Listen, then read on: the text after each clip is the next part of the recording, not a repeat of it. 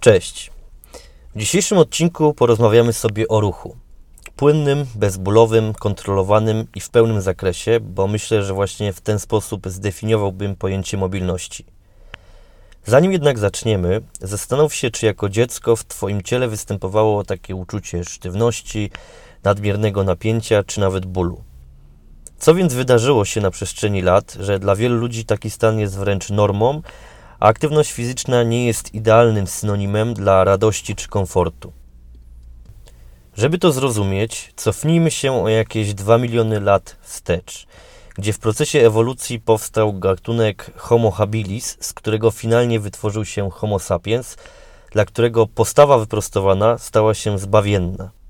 Umożliwiła ona uwolnienie kończyny górnej, która wykorzystywana była do precyzyjnych prac, takich jak walka, korzystanie z ognia czy wytwarzanie narzędzi, ale i dużo szybsze przemieszczanie się.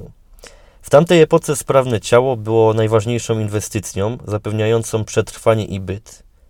Wracając do XXI wieku, a szczególnie teraz czasy pandemii, które idealnie podkreślają, że aby przeżyć, wystarczy tak naprawdę wstać z łóżka, odpalić komputer i przesiedzieć 8 godzin. Następnie możemy sobie zamówić jedzenie i zmęczonym położyć się przed telewizorem. Prawie zerowa wręcz aktywność drastycznie przyspiesza obniżenie naszej sprawności, doprowadzając do powstania wad postawy oraz upośledzenia ciała.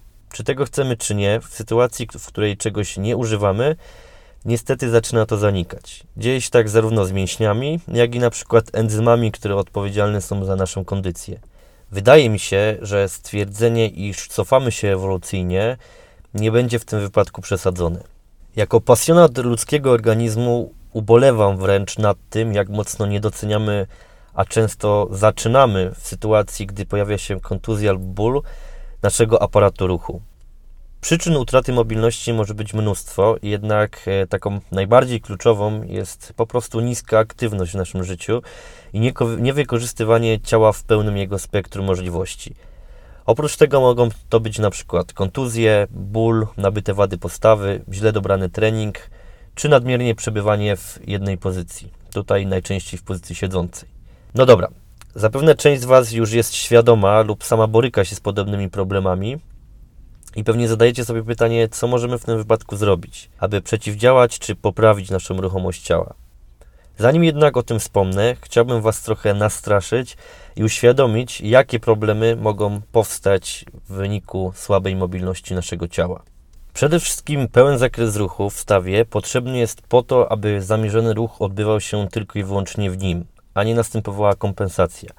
I tak na przykład ograniczenie w stawie ramiennym uniemożliwiające nam pełen wyprost ramienia nad głowę w sytuacjach nawet życia codziennego, takich jak chociażby nie wiem, sięga, sięganie po coś z szafki, będzie najczęściej powodowało nadmierny przeprost w odcinku lędźwiowym. I możecie sobie zadać też pytanie, czy sam ruch w tej części plecowej jest zły. Otóż nie. Natomiast złe będzie nadużywanie go, które może doprowadzić do przeciążeń, powstawania uczucia sztywności, czy nawet bólu. Oprócz tego przyczyniamy się do powstawania lub pogłębiania wad postawy. Powodują one zaburzony rozkład napięć mięśniowych, ale również obniżają estetykę naszej sylwetki. I możecie skojarzyć sobie taką sytuację, gdzie ktoś ma niski poziom tkanki tłuszczowej, a mimo tego y, jego brzuch jest wydęty, tak jakby wypchany do przodu. Dzieje się to głównie poprzez pogłębioną lordozę lędźwiową, która właśnie w ten sposób objawia się, niszcząc estetykę naszego ciała. Zmienia się również sposób oddychania, upośledzając pracę przepony, a to z kolei przekłada się na dużą słabszą stabilizację i pracę mięśni kor, które powinny zabezpieczać kręgosłup. Ograniczamy także efekty treningowe. To szczególnie informacja dla osób, które są ukierunkowane na rozwój sylwetki czy poprawę siły mięśniowej, e, ponieważ nie doprowadzamy do pełnego rozciągnięcia i skurczu mięśni. Istotnym jest, aby postarać się pozbyć przyczyn, jak i samych ograniczeń ruchomości naszego ciała, ponieważ bagatelizowanie ich, e, zwłaszcza w procesie treningowym, będzie doprowadzało do dokładania siły do dysfunkcji, czyli w ten sposób tylko i wyłącznie pogłębimy swój problem. Ok, jak więc to naprawić? Jak pójdziemy sobie na dowolną siłownię, prawie na pewno zauważycie osoby, które używają rollerów, piłeczek czy innych popularnych narzędzi takich jak pistolety do masażu, Metoda ta prawdopodobnie po raz pierwszy użyta została w latach 80. XX wieku przez izraelskiego naukowca Moshe Feldenkraisa. Jednak według mnie przełomem, zwłaszcza na polskim rynku, była książka Bądź sprawny jak Lampard autorstwa Kerry'ego Stareta i opisuje ona liczne przykłady zastosowania metody ART, czyli właśnie tego automasażu, jak i liczne ćwiczenia mobility. Mechanizm tego wszystkiego jest dość prosty, ponieważ pod wpływem nacisku zwiększamy ukrwienie, nawodnienie, czucie danego obszaru ciała, czy rozbijamy zlepki między powięziami, które to właśnie najczęściej są, przyczyniają się do ograniczenia zakresów ruchomości. E, I dzięki temu zyskujemy nowe zakresy ruchu. Jednak pamiętajmy, że dzieje się to tylko na kilka minut po użyciu. Często popełnianym błędem, który dostrzegam, jest nadmierne skupianie się na tym elemencie i spędzanie na wałku czy piłeczce kilkanaście minut. Jest to więc technika, którą wykorzystamy przed czymś jeszcze bardziej ukierunkowanym na zwiększanie ruchomości. Następnie możemy zastosować sobie na przykład rozciąganie statyczne, czyli najbardziej popularną formę w bezruchu, lub bardziej dynamiczne, na przykład rozciąganie aktywne czy balistyczne e, oraz techniki mięśniowo-powięziowe. Tak na dobrą sprawę nie ma większego znaczenia, którą z nich zastosujemy.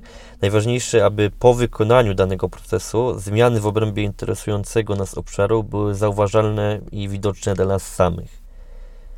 Pamiętaj jednak, że praca naszego ciała sterowana jest przez układ nerwowy, który to reguluje napięcie mięśniowe i to właśnie on odegra kluczową rolę w utrwaleniu nowych zakresów.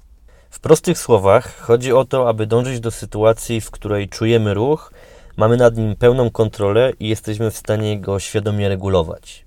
Powyższe techniki najefektywniej będzie zastosować przed treningiem nastawionym na reedukację wzorca. Spróbujmy to rozwinąć na przykładzie przysiadu, który dla wielu osób jest dużym wyzwaniem.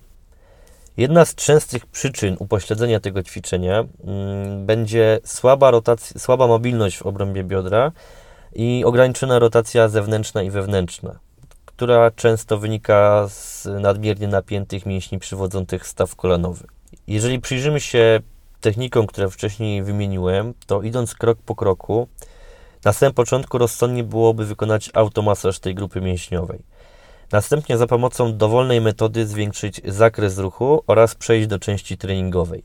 I tutaj możemy wykorzystać jakieś ćwiczenie, które będzie budowało kontrolę motoryczną i siłę mięśniową. Mm, I fajnie sprawdziłaby się na przykład zregresowana forma przysiadu kozackiego. Inna nazwa to jest Cossack Squat E, którą ułatwilibyśmy poprzez dodanie podwyższenia, do którego byłby wykonywany ruch oraz dodatkowo wyregulowalibyśmy sobie tempo w taki sposób, aby było wykonywane w sposób trochę wolniejszy niż normalnie. I teraz po wykonaniu powiedzmy dwóch czy trzech serii można by płynnie przejść do samego przysiadu, do którego dodalibyśmy sobie dodatkowy bodziec na mięśnie odwodzące, czyli głównie pośladkowe średnie, na przykład dodając taśmy miniband, e, która będzie dodatkowym utrudnieniem. Jest to oczywiście jedna z wielu metod, która niekoniecznie zadziała u każdego. Jak już wspomniałem, problem mobilności często powiązany jest z osłabieniem lub przepracowaniem mięśni. U osób, które dużo siedzą, często występuje problem osłabionej pracy pośladków.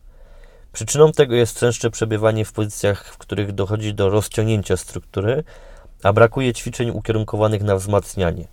Powoduje to liczne problemy, takie jak skrócenie przemęczonej grupy głównie kulszowo-goleniowej, czyli tyłu uda, co również ogranicza nasze funkcjonowanie. Biorąc pod uwagę, że pośladek jest najsilniejszym prostownikiem stawu biodrowego i bierze udział w takich czynnościach jak chód czy bieg, nie wspominając już o jego koniecznej pracy w procesie treningowym, warto byłoby wziąć to pod uwagę. Być może zadasz sobie pytanie, jakie więc są normy mobilności lub czy każdy powinien się tym przejmować i umieszczać ten element w swojej rozgrzewce. Odpowiedź będzie: to zależy. Zaczna część osób, z którymi współpracuję, zgłasza się do mnie posiadając ograniczenia ruchowe, które często wynikają z siedzącego trybu życia. U nich kluczowym obszarem do rozpracowania będzie biodro, a szczególnie zginacze i mięśnie przywodziciele, obręcz barkowa oraz kręgosłup piersiowy i w ciemno mogę powiedzieć, że praca nad tymi mięśniami będzie wskazana dla większości populacji. Zdarza się również, że natrafiam na przypadki hipermobilne lub po prostu o optymalnych zakresach ruchu. W tym przypadku część mobility może być śmiało pominięta, mm, a czas treningu wykorzystany na inne elementy usprawniające, takie jak praca nad stabilnością, czy właśnie wspomnianą już kontrolą motoryczną. Ciało powinno ruszać się w taki sposób, aby umożliwiało nam komfortowe i bezbólowe funkcjonowanie w ciągu życia codziennego. Jeżeli więc czujesz, że coś ci doskwiera, na pewno warto byłoby przyjrzeć się bliżej temu problemowi. Nie będę poruszał tutaj tematu konkretnych dyscyplin sportowych, gdzie przykładowo gimnastycy będą potrzebowali ponadprzeciętnych zakresów, jednak czy realnie są one potrzebne osobie w żaden sposób nie aspirującej do sportu? No myślę, że niekoniecznie. Jeżeli jest coś, co chciałbym, abyście zapamiętali z dzisiejszego odcinka, to fakt, że nie jest rzeczą normalną, że z roku na rok tracimy sprawność lub poruszamy się w sposób niekomfortowy, czy w nawet gorszym wypadku w towarzystwie bólu. Oczywiście proces starzenia jest nie do przeskoczenia, ale takie sytuacje nie powinny mieć miejsca w wieku 20, 30 czy nawet 50 lat. Zakresy ruchu w naszym życiu to rzecz, nad którą warto się skupić, ponieważ praca nad nimi po prostu pozwoli cieszyć się dowolną aktywnością czy ruchem. Na koniec mam dla Was również małą niespodziankę, bo na moim blogu, do którego link znajdziecie w opisie, dodałem artykuł z przykładowymi ćwiczeniami mobility, które możecie zastosować w trakcie rozgrzewki lub na przykład jako dodatkową dawkę rozruchową w ciągu dnia. Pamiętajcie, że praca nad zakresami ruchu powinna być wykonywana jak najczęściej i błędem nie będzie robienie tego nawet codziennie. Jeżeli pojawią się jakieś pytania do dzisiejszego odcinka lub któregoś z poprzednich, śmiało zapraszam do kontaktu ze mną.